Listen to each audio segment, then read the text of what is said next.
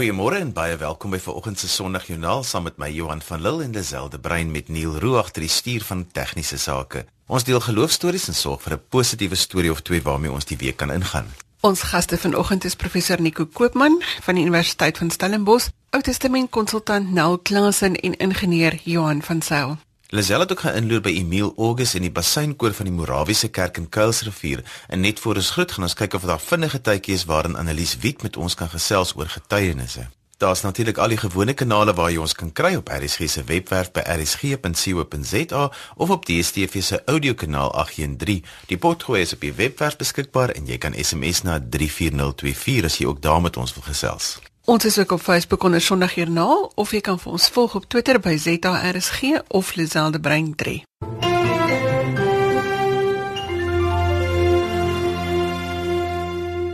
Professor Nico Koopman is visierektor, sosiale impak transformasie en personeel by die Universiteit Stellenbosch en ons gesels vanoggend oor hoe gelowiges moet kophou in 'n tyd waar leierskap uitgedaag word. Goeiemôre professor. Goeiemôre Lisel, goeiemôre luisteraars. Professor, daar gebeur 'n paar goed in ons land op die oomblik waarvan die een die uitdaging van gesag is.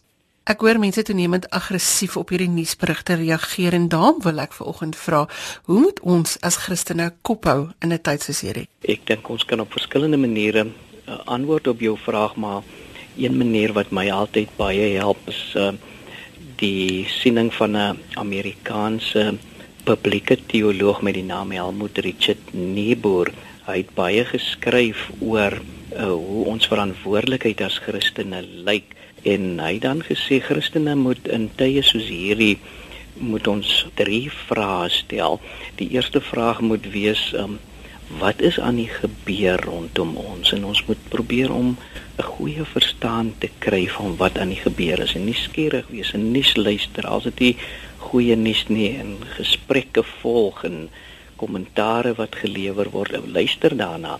Wat is aan die gebeur in die wêreld rondom ons? Probeer verstaan dit. En dan het Elmo Richard Niebuhr gesê die tweede ding wat ons moet probeer pyl is wat is God aan die doen in die wêreld rondom ons? Probeer soek God se hand. Probeer vra maar waar staan God? Uh, uh, probeer om regtig teologies te dink, teologies in die sin van uh, wat is die logika van Theos? Wat is die logika van God?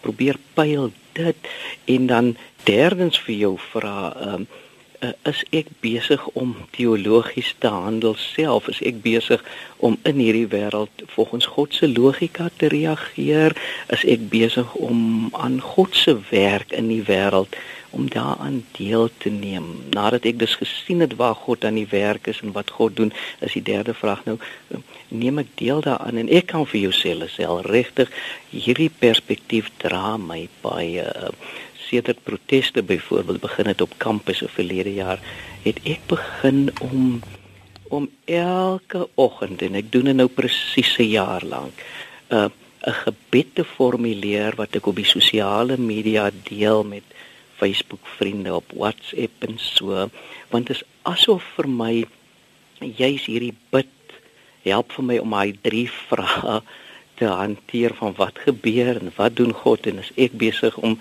deel te neem aan God se werk. So dis nogal vir my baie interessant. Ek het intuïtiewelik uh in my eie sin maak van goed net begin bid en ek dink gebed en ek sou daarop kon uitbrei. Gebed help vir ons om om om om om goeie verantwoordelike Christelike response te te formuleer in hierdie dae. Professor, daar's min dissipline in hierdie onluste wat wat plaasvind. Ons as Christene moenie sonder dissipline reageer nie. Ja, ek dink jy bedoel met dissipline waarskynlik nou dat ons moet uh hoe ons te midde hiervan kan sê julle hier's 'n soeke na geregtigheid in in in proteste as 'n mens mooi luister dan is daar wat die oogmerk van baie van die proteste betref is dit 'n geldige legitieme uh, selfs edel oogmerk om te sê ons moet uh, geregtigheid bevorder, ons moet geregtigheid versnel, ons moet verstaan in Suid-Afrika het ons politieke bevryding gekry, maar baie mense se posisie het sosio-ekonomies nog nie verander nie. Uh dan moet jy sê nee, dit is da, dit is dis wonderlik dat ons moet uh, ons verstaan die soeke na geregtigheid, maar dissipline sou vir my dan beteken jy moet geregtigheid soek op 'n regverdige manier. Jy moet menswaardigheid soek op 'n menswaardige manier. So jou protes moet in sigself geregtig wees. Jou jou protes moet menswaardigheid weerspieël en daarom gaan jy ander se regte respekteer, jy gaan ander se eiendom respekteer, jy gaan ons gesamentlike eiendom respekteer.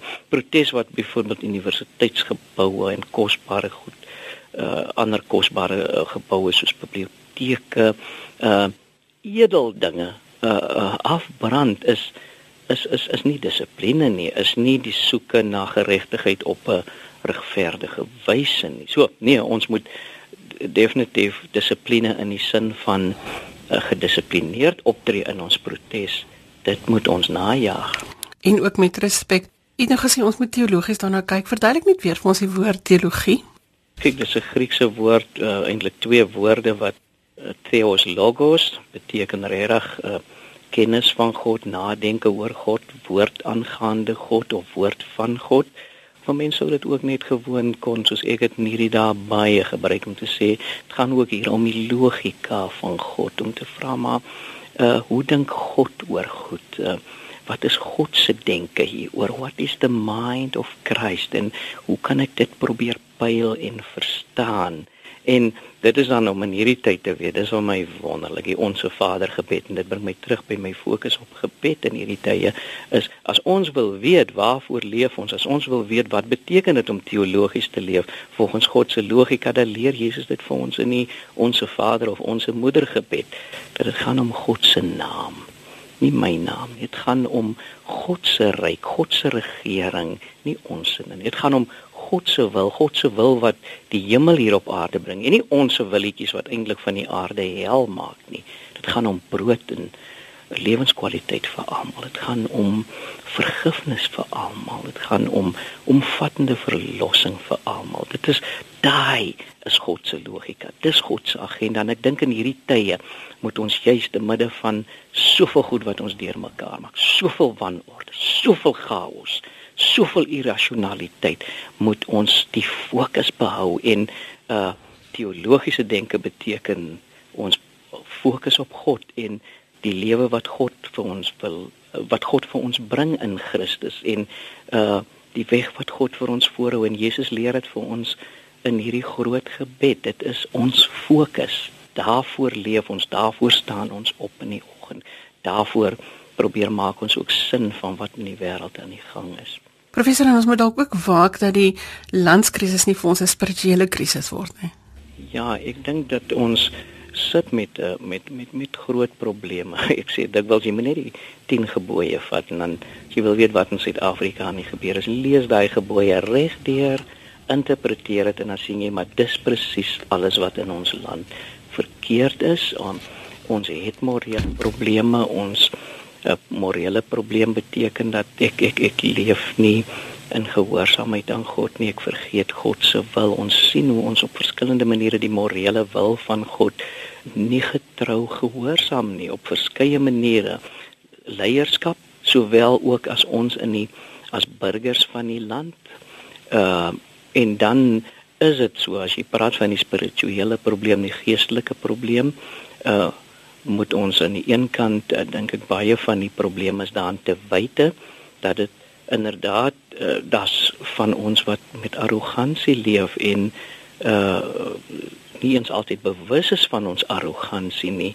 Uh Christene gaan op 'n Sondag kerk toe jy's om te sê Here, ons is nie klein goetjies nie, daar's eintlik maar net een God. U is die God. U het alle mag, U het alle intellek, U het alle oplossings. U is moreel volmaak uh, en ons wil dit Sondag in die kerk bely. So ons moet op geestelike vlak sê, hing raak ons slaaf van enige vorm van eksplisiete of selfs subbewuste hoogmoed waarmee ons funksioneer nie deurdat ons die beste weet nie beste doen en in die tweede plek dink ek moet ons spirituele probleme vermy deur te sê maar God is nie met ons hier in nie. Ek dink dit gaan 'n groot krisis wees. Ons moet weet te midde van hierdie probleme is God by ons. Die belydenis van Belhar leer ons juist dat in tye wanneer dit so moeilik gaan, dan is God juist op 'n besondere wyse staan hy by ons. Professor Baie, dankie vir die saamgesels vanoggend. Baie dankie.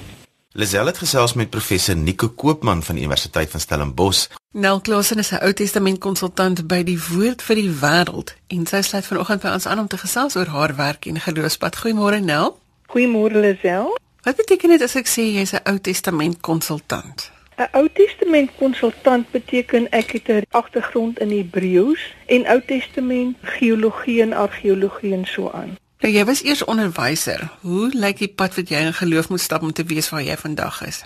Ek kan vir jou een ding sê dat waar ek vandag staan is, is aan God al die eer. Want hy het 'n ouerige onderwyseres gevat en haar op pad gevat wat sy in haar wildste drome nooit gedink het sy sou gaan nie um op hierdie stadium van die wedstryd het ek nou al in die Demokratiese Republiek van die Kongo gewerk en in Zambië, Tansanië, Ethiopië, Slowakye en Indië. Miskien moet jy vir ons vertel voordat ons verder gaan met jou storie net presies wat die woord vir die wêreld is en hoekom jy dan nou in al hierdie lande was. Die woord vir die wêreld is 'n Bybelvertalingsorganisasie. Ons noem onsself Pionier Bybelvertalings. Ons doen nie hersienings nie en ons werk nie waar daar alreeds bestaande Bybels is nie. So ons vat hom heel van die begin af. Ons soek ons uh, saam met die kerke, ons werk uh, baie nou saam met die kerke in die verskillende lande en dan word daar 'n span saamgestel. Die span bestaan uit uh, gewoonlik 3 vertalers, maar baie keer kan is daar net 2 wat wat wat werk. En dan is daar hersieners en 'n eksegeet en dan veldtoetsers. En hierdie span, die vertaalprojek word dan hulle sin, dit word die volksin, nie die organisasie sinne nie. Hulle is ook ver, uh, uh, verantwoordelik vir hulle eie spelling en grammatika. Want daar is niemand wat 'n taal so goed ken soos 'n moedertaalvertaler nie. So ons werk basies met moedertaalvertalers. Ons leer nie eers die taal aan en daarna begin ons met die vertaling nie. So sodra ons die span het, word daar onmiddellike opleiding gedoen vir hulle en dan begin hulle met die vertaalwerk.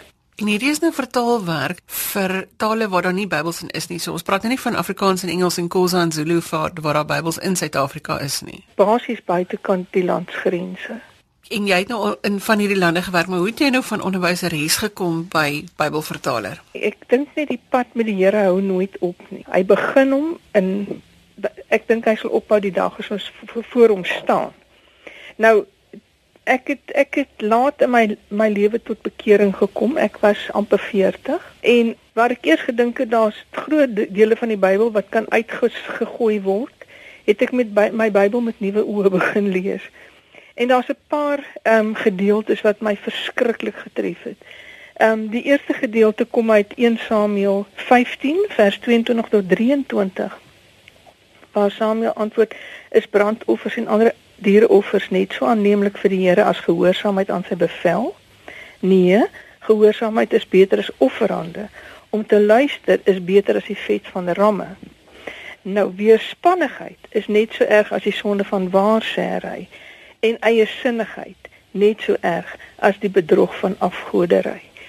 En omdat jy die woord van die Here verwerp, het hy jou verwerp. En dit het my verskriklik getref dat jy ehm um, ek bedoel die Here het Saul gekies as koning en omdat hy nie gehoorsaam was nie en gedink het hy kan sy eie ding doen.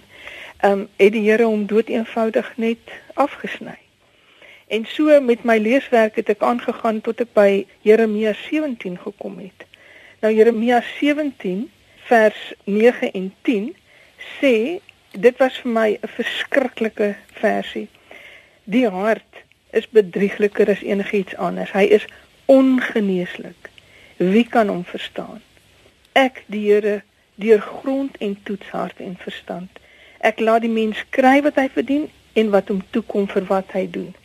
En daad ek besef, weet jy mens kan mense kan jy om die bos lei, maar nie vir die Here nie. En jou hart, jy kan so glo in dit wat jy doen dat jou hart jou bedrieg en is net die Here wat daai dinge kan regmaak dit het my basies gesit op 'n pad van gehoorsaamheid en om my eie motiewe baie baie noukeurig onder die soeklig te sit en te besef maar waarheen is ek op pad wil ek die Here dien is hy 'n um, 'n in beheer van my lewe of is hy nie? En dan die pad is maar opdraande en afdraande.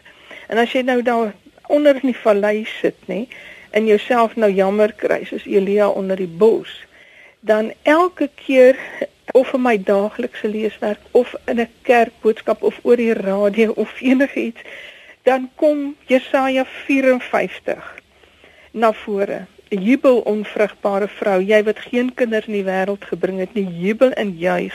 Jy wat geen geboortepyne geken het nie, gaan nou meer kinders hê as een wat getroud is. En dan sê hy nou maak 'n groter die plek van jou tent en slaat jou tentpenne ver in en ek het op 'n stadium gekom en sê Heer, maar ek het nie eers 'n tent nie. So ek kan nie ek verstaan nie hierdie vers nie, maar so die Here my deur die jare maar bemoedig en ek het aangehou en aangehou.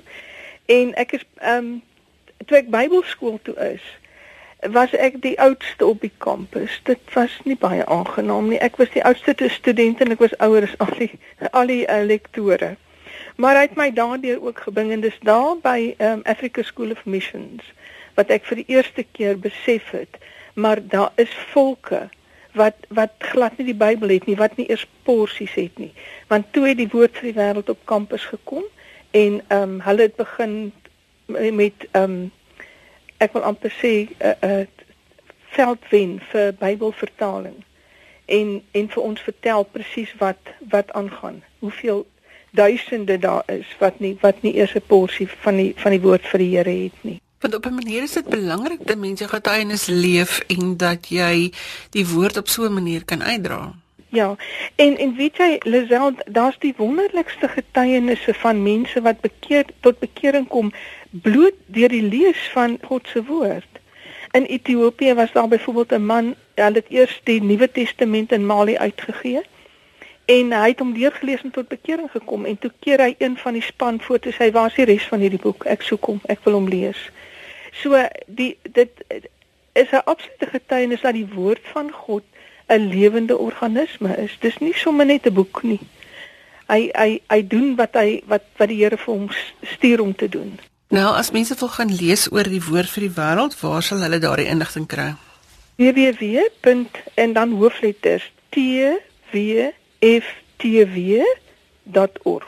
Dis www hoofletters t w f t w.org. Nou baie dankie dat jy vanoggend jou storie met ons gedeel het. Dis 'n groot plesier. Dankie dat julle my gevra het. En so gesels Nel Klasen oor haar werk as konsultant by die Woord vir die Wêreld. Die webadres net weer, dit is www.twftw.org. Ons gesels vanoggend met Johan van Sail, hy is 'n ingenieur van Pretoria en Johan het onlangs die Tankwa Camino gestap, maar met 'n doel om geld in te samel vir kinders sonder skoene en klere. Goeiemôre Johan. Goeiemôre Lisel. Johan, daar is 'n spesifieke rede hoekom jy besluit het om die Tankwa te stap. Ja, ek het aanvanklik gelees van die Tankwa Camino in 'n artikel laas jaar en toe het ek onmiddellik besluit dat ek dit wil doen. So ek was al geruime tyd ingeskryf daarvoor. Maar in Januarie hierdie jaar het daar 'n klein beriggie in die Beeldkoerant verskyn oor 'n kind wat selfmoord gepleeg het oor hy nie skoolklere gehad nie, oor 'n 8-jarige kind. En nadat ek die berig gelees het, het ek net by myself gedink, hoe kan mens toelaat dat so iets gebeur dat 'n kind van 8 jaar selfmoord pleeg oor iets wat ons uh, as van selfsprekend aanvaar? En ek dink as 'n uh, 8-jarige was my grootste bekommernis so dalk oor 'n fiets wat ek nie vir Kersfees gekry het nie of 'n uh, maatjie wat lelik was met my. So dan om te dink dat daar kinders in ons onmiddellike omgewings is wat so passievol is om skool toe te gaan maar hulle kan dit nie doen nie uh oor dat hulle iets so skoolklere nie het nie. Dit het my uh, laat besluit dat ek die Tankwa Kommune wil stap om geld in te samel vir daai doel. Johan, so jy het die roete begin oorspronklik sonder skoene, maar dit het nou net 'n dag of wat gevat voordat jy jou stapskoene aangetrek het. Hoekom? Ja, ek wou die stap kaal doen omdat ek gedink het dit gaan meer geld kan insamel as ek dit en meer aandag trek as ek dit nou kaal doen en ook oor ek voel dit weerspieël die uitdagings wat baie kinders oor Suid-Afrika elke dag in die gesig staar. So ek het spesifiek voorberei om dit kaal te doen met die tyd en die hulpbronne tot my beskikking. Ek het 'n paar naweke en dan sal ek 4 uur opstaan en dan het ek vir my so 'n roete hier buitekant Pretoria uitgewerk van so 16 km aan gaan stap ek dit kaalvoet en dan se ek 9 uur op 'n Saterdag as ek klaar gestap dat ek daarom nou nie heeldag vir my vrou en kinders by die huis alleen los nie en na die oefensessies het my voete niks meer keer nie. So ek het gedink en geglo ek sal die Tankwa Camino kaalvoet kan doen, maar ek het nou nie rekening gehou met die tipe grondpad wat ons in die Tankwa Karoo sou kry nie. Daar 'n paar ander tipe klippe daar wat mense voete baie erg sal sny. Maar die, die eerste 15 km van die eerste dag het ek heel gemaklik gestap en toe begin die leiklip en ek dink daar's niks wat mense voete op dit kan voorberei nie. So ek het na die einde van daai eerste dag toe besef ek ek kan dalk probeer om nog die tweede en derde dag ook kaalvoet te stap, maar dan gaan ek my voete dalk so erg beskadig dat ek dalk glad nie verder uh, sal kan stap nie. Johan, jy het nou hierdie hele proses aangepak as 'n geloofsproses. Jy wou as 'n gelowige 'n verskil maak. En die feit dat jy jou skoene moes aantrek, dit voel vir my asof daar 'n lewensles in sit. Ja, hoe langer ek daaroor dink, hoe meer uh, dink ek aan goed wat ek uit hierdie stap uit kan leer op fisiese en op geestelike vlak.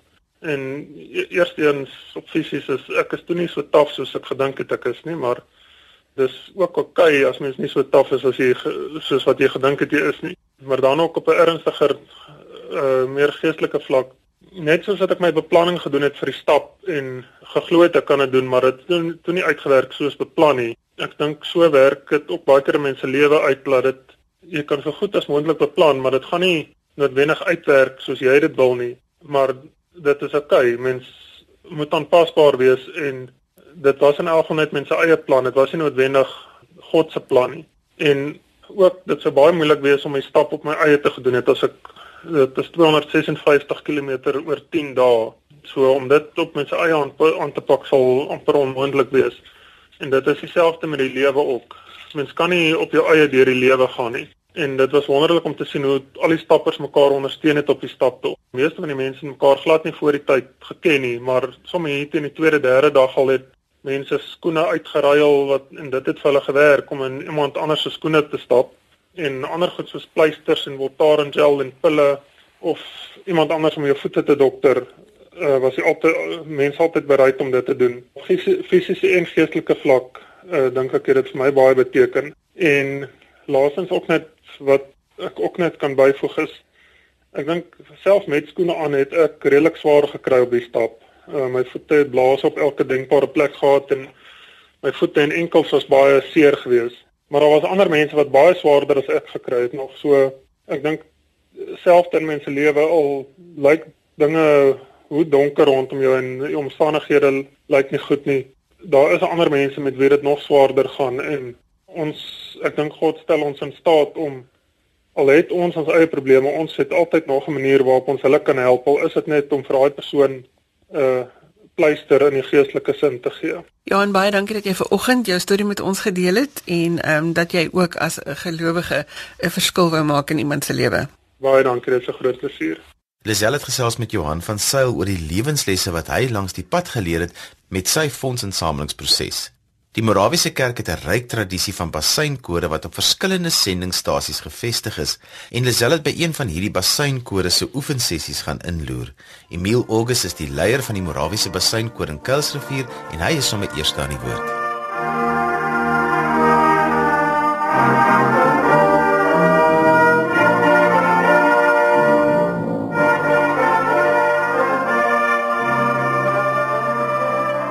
Eerstens, ja, ons is die Kelsevier Morawiese Besenkoor. Ons noem onsself Kale More Brass. Ons is omtrent so 20 lede. Daar is 'n paar wat jy weet af en toe kom, maar dit is die soos hulle sê die dedicated few wat ek, wat ek nou sou wil stel. Ek is ook die sekretaris van die Besenkoor, die BBSA en die WKP die Weselike provinsie. So ek vorm deel van die executive om dit so te stel wat die BBS aan Suid-Afrika manage. So ja, die bassenkoor is iets waarmee ek groot geword het. My pa was bassenkoor lid. Hy was ook deel van die provinsiale bestuur van ons kerk, die musiekafdeling. Ons koraalboek ons uitspeel, het hy ook saamgestel uit ehm um, liedere en so wat ons gereeld speel in die kerk en so. Ons noem dit die koraalboek. Ehm um, so van kleins af, my seun soos op hierdie ouderdom het ek begin speel. Hy is 10 jaar oud. So ek het ook van omtrent 10 jaar oud begin speel. En van daar af, jy weet, soos 'n predikant se kind, jy moet maar speel, jy moet maar deelneem aan alles. Vir my voel dit asof ek iets doen. Soos hulle sê in Engels, paying it forward, né? Nee? So uh omdat dit 'n passie is, musiek is 'n passie wat my veral instrumentele musiek en so. So vir my is dit 'n passie om te doen waarvan ek hou, om ook die Here te loof en hy opset deur gereelde oefeninge, deur gereelde ehm um, bywoning en daai klas van dinge. En dit kos werk om 'n basynkoor saam te hou en gereeld te laat ehm um, oefen en dissipline te handhaaf. So uh, van van my kant af voel ek dis my deel wat ek doen vir my Christelike lewe om so te stel.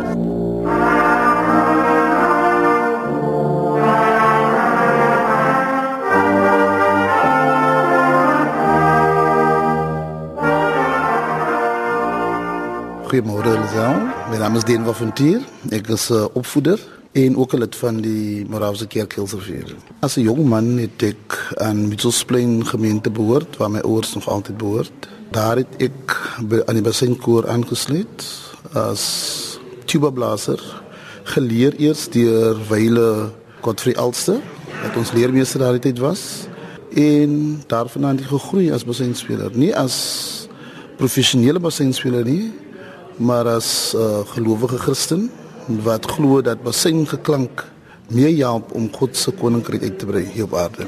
Ek het um, na Kilsrivier toe getrek waar ek en my seuns ook nou deel is van Kilsrivier se Morawiese bassinkoor. My een seun speel ook saam met my die tromboon en ons glo dat musiek 'n uh, belangrike element is om God se naam te prys, te loof en groot te maak. Daarom is ons ook nou betrokke by begeleiding tydens eredienste en ook dan spel tydens feeste waar ons met die groot Morawiese kerk en 'n gemeente in die Morawiese kerk ehm um, bassin speel. Maar dit is nie net die feit dat ons 'n vaardigheid het en om niks te doen nie, maar dit gaan om ons geloof te versterk. Ons is gelowige Christene en ons glo ook dat hierdie uh, uitleef van ons Christendom op bassin op die bassinklank en ook op hierdie vlak ander mense kan trek na hom toe, na Jesus Christus toe wat eintlik ons einddoel is. Ehm um, dit gee ons soveel genot. Dit gee ons soveel uh eer en dit laat ons goed voel want ons trek jong mense hier in Kelsevier in die gemeente trek ons aan. Ons leer op jong mense om ook dan dierbasyn geklank vir God te ken.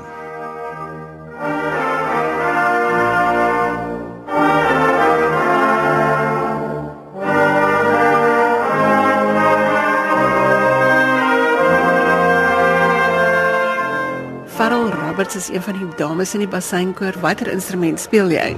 Ek speel trombone.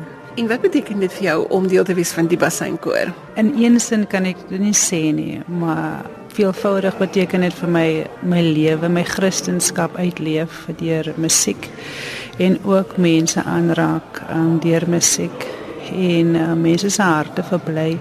Die Bybel sê so die mense se harte verbly as hulle net na musiek hoor luister na. Julle is 'n gemengde basynkoor, dames, mans, jonk en oud. Vertel ons van die gemeenskap wat saam speel. Ek is uh, 39 en my kind is ook in die bassenkoor. Hy is nou 10 jaar oud. En dan het ons um, ek en dan is daar nog drie ander dames ja, saam speel. Wat beteken dit vir jou as ma om saam met jou seun in die bassenkoor te kan wees? Um, ons sal dieselfde belange. Hy hy sien wat ek doen en hy word by na. Hy wil graag ook doen wat ek doen en um, hy sien dat sy blaas um, 'n verskil maak vir ander alles wat ons doen is tot eer van die Here. Ek sal nie geweet het waar ek sou opgeëindig het as ek nie in die bassinkoor gewees het. Dis nou aan van 1993. Ek het so 'n bietjie gebroke diens ook gehad in intussen maar weer teruggekom en ek is baie lief vir die bassinkoor en vir die waardes wat dit het. het.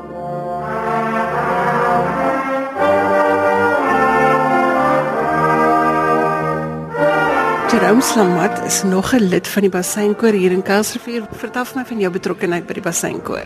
My betrokkeheid by die Basseinkoor kom nou al oor die 40 jaar aan. Ek was by die Matroosfontein Morawiese Laerskool en een middag het ek en twee maats op die stoep gespeel en geraas gemaak en eintlik gespot hoe die Basseinkoor geoefen het en die onderwyser meneer Ivan Liedeman wat daar uh, verantwoordelik was het uitgekom en gesê julle mannetjies kom hierson en uh, ons het nou al ons sitvlakke gevry van ons het gedink nou gaan ons 'n loosing kry.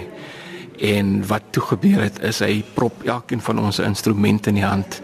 En vir my is dit al 41 jaar gelede wat ek begin het om uh, instrumente speel. Eers met die tuba en later aan nou op die tromboon wat ek nou nog speel. En uh, vir my geloof in die eerste plek maak ek Here groot met my talent. Ek ontwikkel my talent wat aan my gegee is, maar ook uh, die gemeenskap wat ons het in die basseinkoor van ouer en jonger mense wat saam hierdie kom ons noem maar bediening uh, het wat die talent daarvoor gegee is is 'n fantastiese uh, ervaring vir my. Uh, dit is vir my absoluut verrykend om interaksie te hê met die jonger spelers ook om vir hulle bietjie van my ervaring te kan leer en saam te speel hulle entoesiasme daarmee. En ons sit in 'n kort tyd in Kuilsrivier het ons 'n span saamgetrek van oor die 20 wat regtig waar uh, hoë gehalte musiek maak. Ons is oefen twee keer 'n week en dan oefen ons nog by die huis ook So die ek is tevrede met waar ons staan nou net na 'n paar jaar. Dit klink vir my dit verg nogal dissipline, maar dit lyk ook asof daar 'n gemeenskapheid is. Definitief en en dit is 'n dit is regtig waar 'n seën wat ons het as Morawiese kerk hierdie uh, tradisie van koperblaasmusiek. Uh, dit word oorgegee van geslag tot geslag. Wat ook goed is van hierdie besondere koor is dat daar ehm um, families ook in die koor is. Ek speel in die koor, my vrou Eleanor, my seun Justin ehm um, speel in die koor. Dan weet ek van die avontuur familie wat hier is, die Alexander, die August familie. So dis ook goed van mense van verskillende geslagte en ehm um, en dan natuurlik die basseinfeeste jaarliks waar honderde koperblasers bymekaar kom. Die uh die verhoudings wat gesmee word.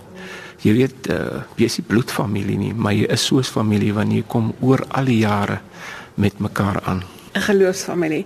Kom ons ja. gaan hoor hoe maak julle musiek. Baie dankie. Ons speel nou van dis 'n Duitse boek. Hulle noem dit persoon en klange, né? So dit is basies of ons noem hom nou net die PK boekie.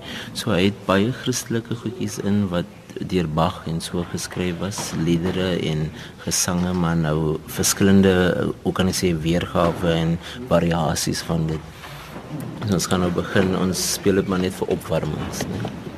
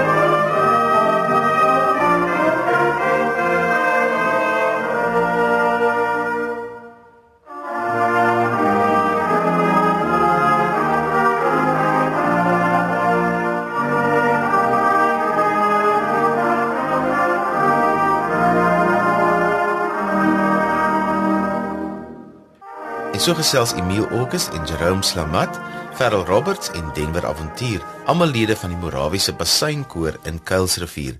Jy is ingeskakel op RSG 100 tot 104 FM. Die webwerf is rsg.co.za en die SMS-lyn is 34024 natuurlik 10 rand per SMS.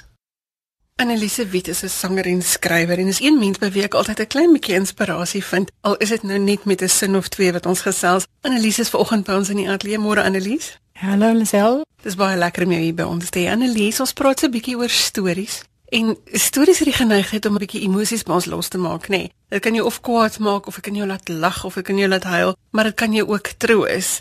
Nou, ek wil hê jy moet ons 'n bietjie hierdie week instuur met woorde van inspirasie wat gaan oor stories, oor getuienisse, oor hoe ons onsself vir mense moet aanbied.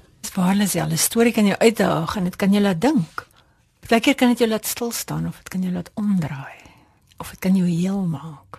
En ek dink baie keer is dit wonder dat Jesus so baie stories vertel het, nê. En een van sy heel bekendstes is seker maar die storie van die verlore seun, die gelykenis. Mooi woord gelykenis, is 'n ewebeeld, nê, is 'n 'n denkbeeldige storie wat lyk soos iets wat jy ken, wat dalk ekos dra van jou eie storie. Dis opgeteken in Lukas 15. 'n Wonderlike hoofstuk met drie stories op 'n ry en in 'n konteks. Die hoofstuk begin met daar was tollenaars en sondaars by Jesus.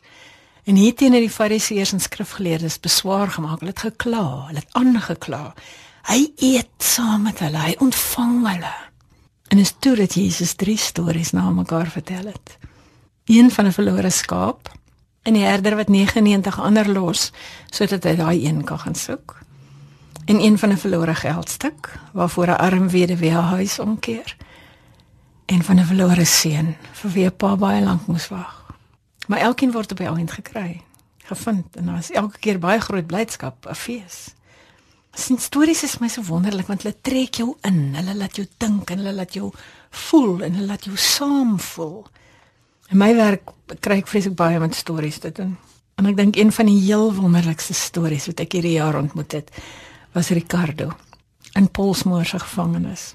Toe hulle vir my vertel het 'n lys aanklagte teen hom wat so lank is soos my hele arm. Toe wou ek dit glo nie. Want hy is sagaard en hy's gentle en hy's vrolik en hy's gaaf. Sy oë is sonder sluiers. Hy laat jou toe om in te kyk.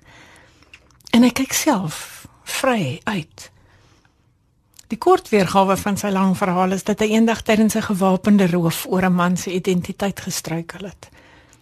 Die man was 'n metodiste predikant en hy wil keer dat Ricardo en sy trawante die vroue in die huis skade aandoen. Toe sê die rowers kom maar sy kar as 'n vlugvoertuig gebruik en hy sê vir hulle help hom alles wat hulle wil steel na die kar toe aan te dra. En in die proses val sy besigheidskaartjie toe uit sy sak en die een rower het dit opgetel. "Are you a pastor?" vra hy. "Ja," sê die dominee. "Please pray for me," vra die dief. "My name is Ricardo," en daar jaag hy weg met die buit. en dit was die begin van 'n lang en letterlik lewensveranderende storie. Sy getuienis wat hy so eerlik vertel het, het my voete net eenvoudig onder my uitgeslaan. En ek dink dis wat stories doen. Hulle groot waarde lê daarin dat hulle kan skok en afskrik en uitdaag en aanpor en troos en heel maak en vrede gee. So dis belangrik dat elkeen van ons ook ons storie hierdie week inneem want ons stories kan ook lewens verander. Inderdaad. Annelies baie dankie vir daardie storie getuienis wat jy vanoggend met ons gedeel het en jy moet 'n lekker week hê. Dankie. Altyd lekker om mee te wees. Dankie Annelies vir die saamgesels. Ek groet tot later vandag wanneer ek weer agter die mikrofoon inskuif vir ons in die onderwys net hier na die 8 uur nuus van my Johan van Lille. Totsiens. Jy kan vir my e-pos met kommentaar of as jy 'n geloostorie met ons wil deel, soos gewoonlik by Lazel, L E Z E L E by www.media.co.za. Of jy kan vir ons 'n boodskap stuur deur die webwerf by rsg.co.za. Tot volgende week groet ek dan ook namens produksieregisseur Neil Roo. Ons sê totsiens.